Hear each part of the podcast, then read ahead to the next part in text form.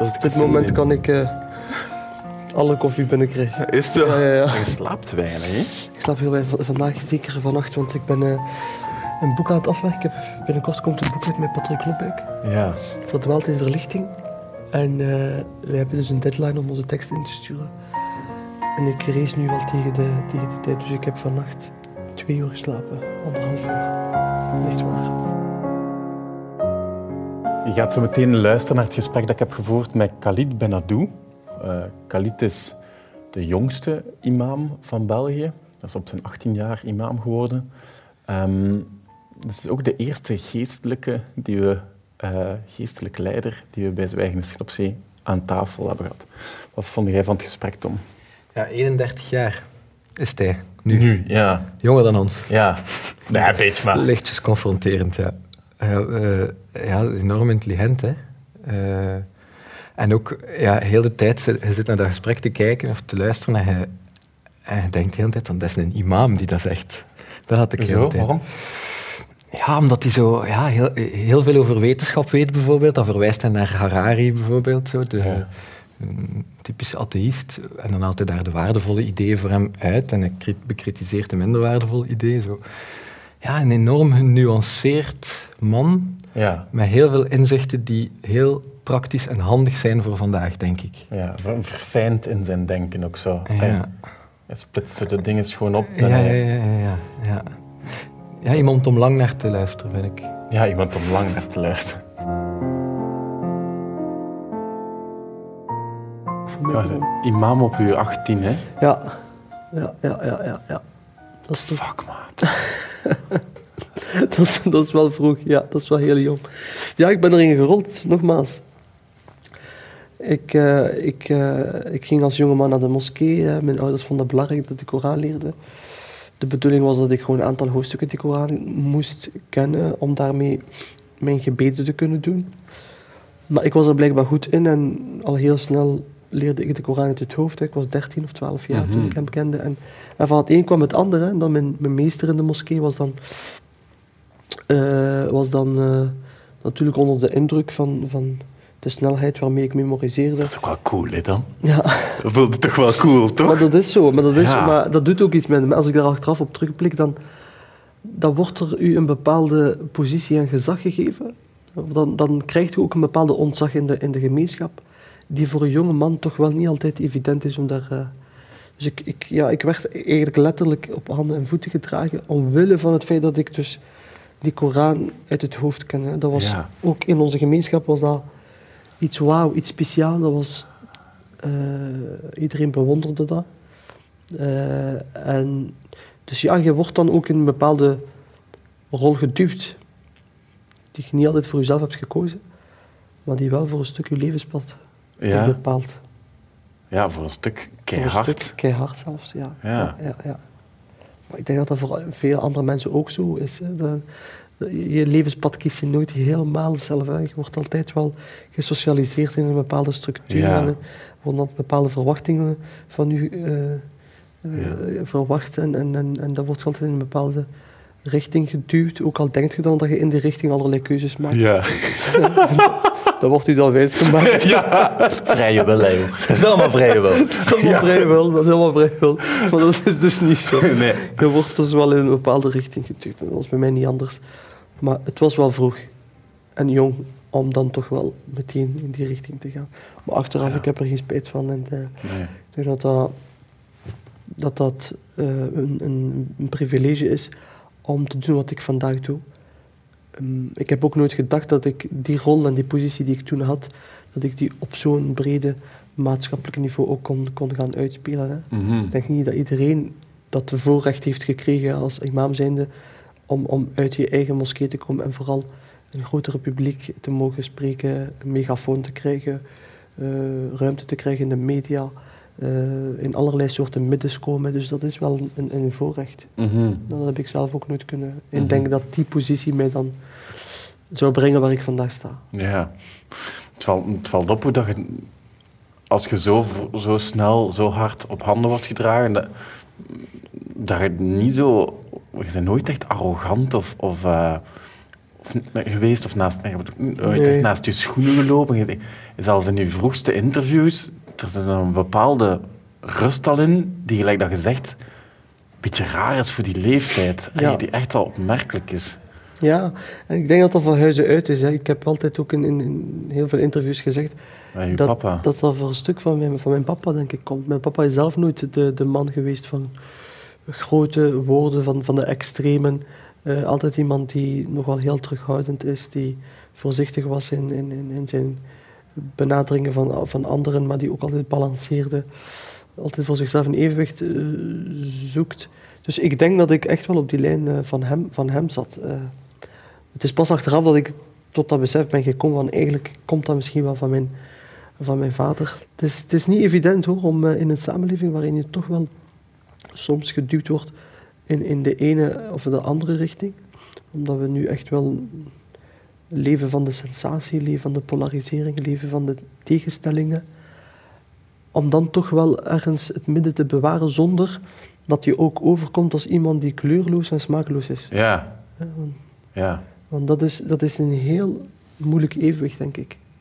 Je moet ergens wel nog een, een zekere integriteit bewaren. Je mag ook niet overkomen als iemand die ja, gewoon geen kant kan kiezen. Mhm. Eh, die, die soms ook opportunistisch dan is. Hè. Eh, Wat bedoel je? wel, ja, in, som- in sommige tijden eh, moet je soms bepaalde keuzes maken. In sommige tijden is het moeilijk om het evenwicht te bewaren. Moet je voor bepaalde standpunten durven staan en zeggen hoe het, hoe het, er, hoe het ervoor staat.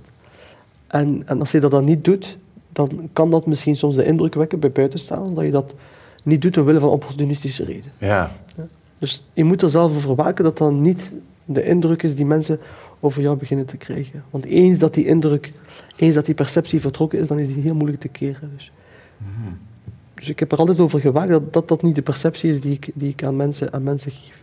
Dat ik toch wel evenwicht bewaar. Daar waar ik voel, dit zijn momenten waar ik mij wel moet uitspreken, dan, dan moet ik dat ook doen. Eh, op die manier behoud je denk ik voor een stuk jouw, jouw integriteit.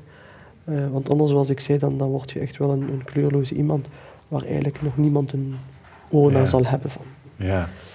Wat was het laatste moment dat je je herinnert dat je, dat je het gevoel had van nu moet ik mij uitspreken? Het laatste moment dat ik mij toch wel, denk ik, iets feller heb uitgedrukt was naar aanleiding van de aanslagen die er geweest zijn in Nieuw-Zeeland. Ja? Toen was ik gevraagd geweest om, om in debat te gaan met Philippe de Winter op de zevende dag. Iets wat ik eerder nooit zou gedaan hebben. Mhm. Omdat ik denk van ja, met, met bepaalde mensen moet je niet in gesprek gaan. Maar op dat moment heb ik wel gekozen om het te doen. En, en kwam ik ook vrij anders over dan wat mensen van mij gewend waren. Dus ik heb heel veel reacties gekregen van mensen achteraf die zeiden, "Ah, we hebben een heel andere kaliet gezien. hè." Ik was, ik was misschien zelfs een beetje boos. Ja, ja, ja echt waar. Eh, daar zat heel veel emotie in. Ja. Ehm, ja, ik heb me ook op manieren uitgedrukt waar ik misschien anders voorzichtiger zou geweest zijn.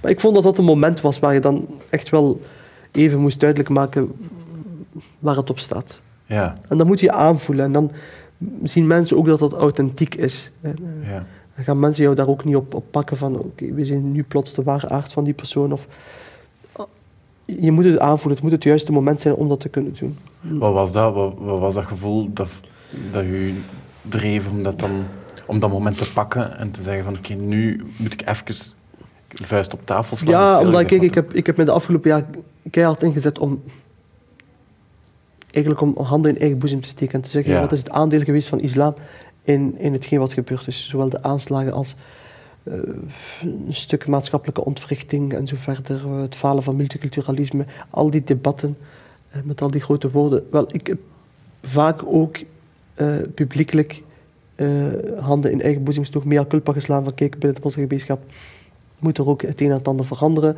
We zijn toe aan een nieuwe hervorming van het islamitische discours en, en zo verder. En, en ik had soms al de indruk dat het debat toch wel te ver in één richting ging. Hè. Ja. En Dat het te vaak eh, culturaliseren en islamiseren was van, van problemen, zonder oog te hebben voor sociaal-economische eh, factoren die soms bepalend zijn, psychologische factoren. Daar wordt eigenlijk minder naar, naar gekeken en zelfs meewarig over gedaan. En, en dan gebeurden eh, die aanslagen in, in Nieuw-Zeeland.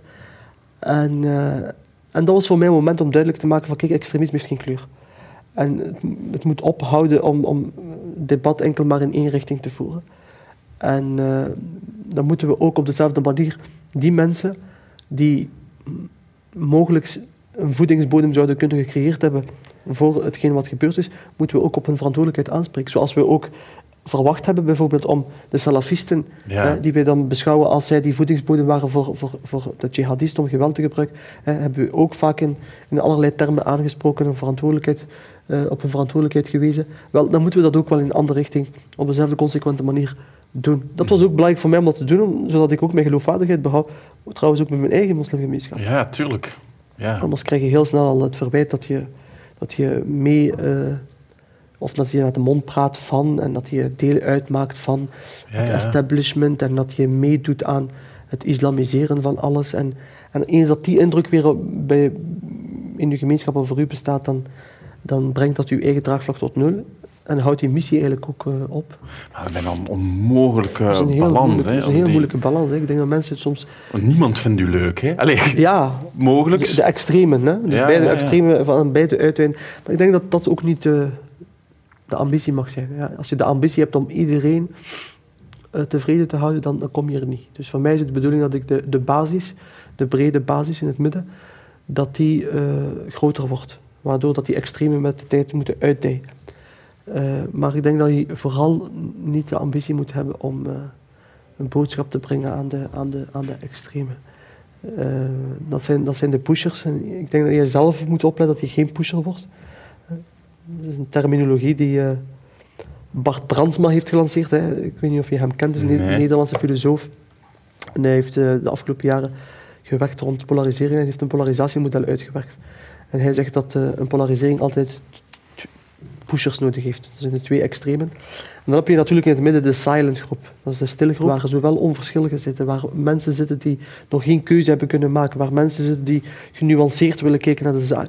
En mensen zitten die in plaats van te roepen misschien de mouwen willen opstropen en, en, en, aan de slag willen gaan. Dat zijn de mensen waar ik mee op focus, mhm. waar ik mee wil samenwerken. Maar dat is een assumptie dat dat de grootste groep is.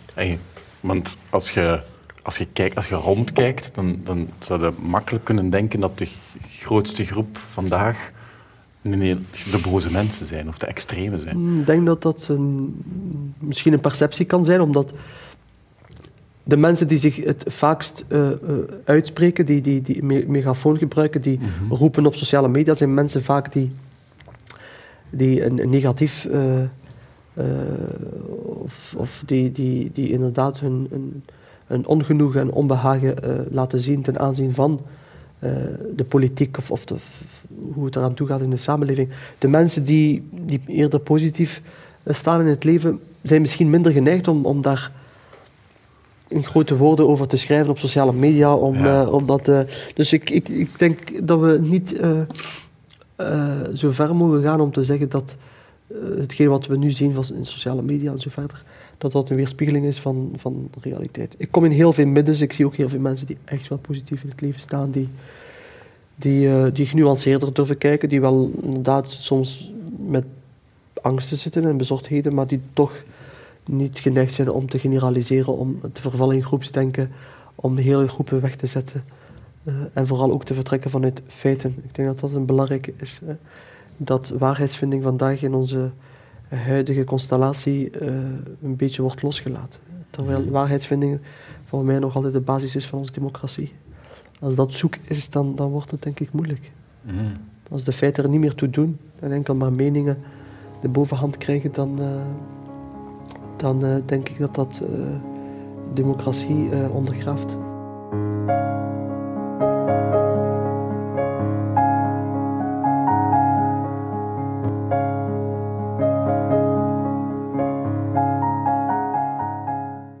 We weten dat het belangrijk is om te kunnen proeven voordat je geld uitgeeft. Daarom kon je net luisteren naar een gratis preview van dit interessante Zwijgen is geen optie gesprek. Wil je graag het volledige gesprek beluisteren? Word dan lid op zwijgenisgeenoptie.be.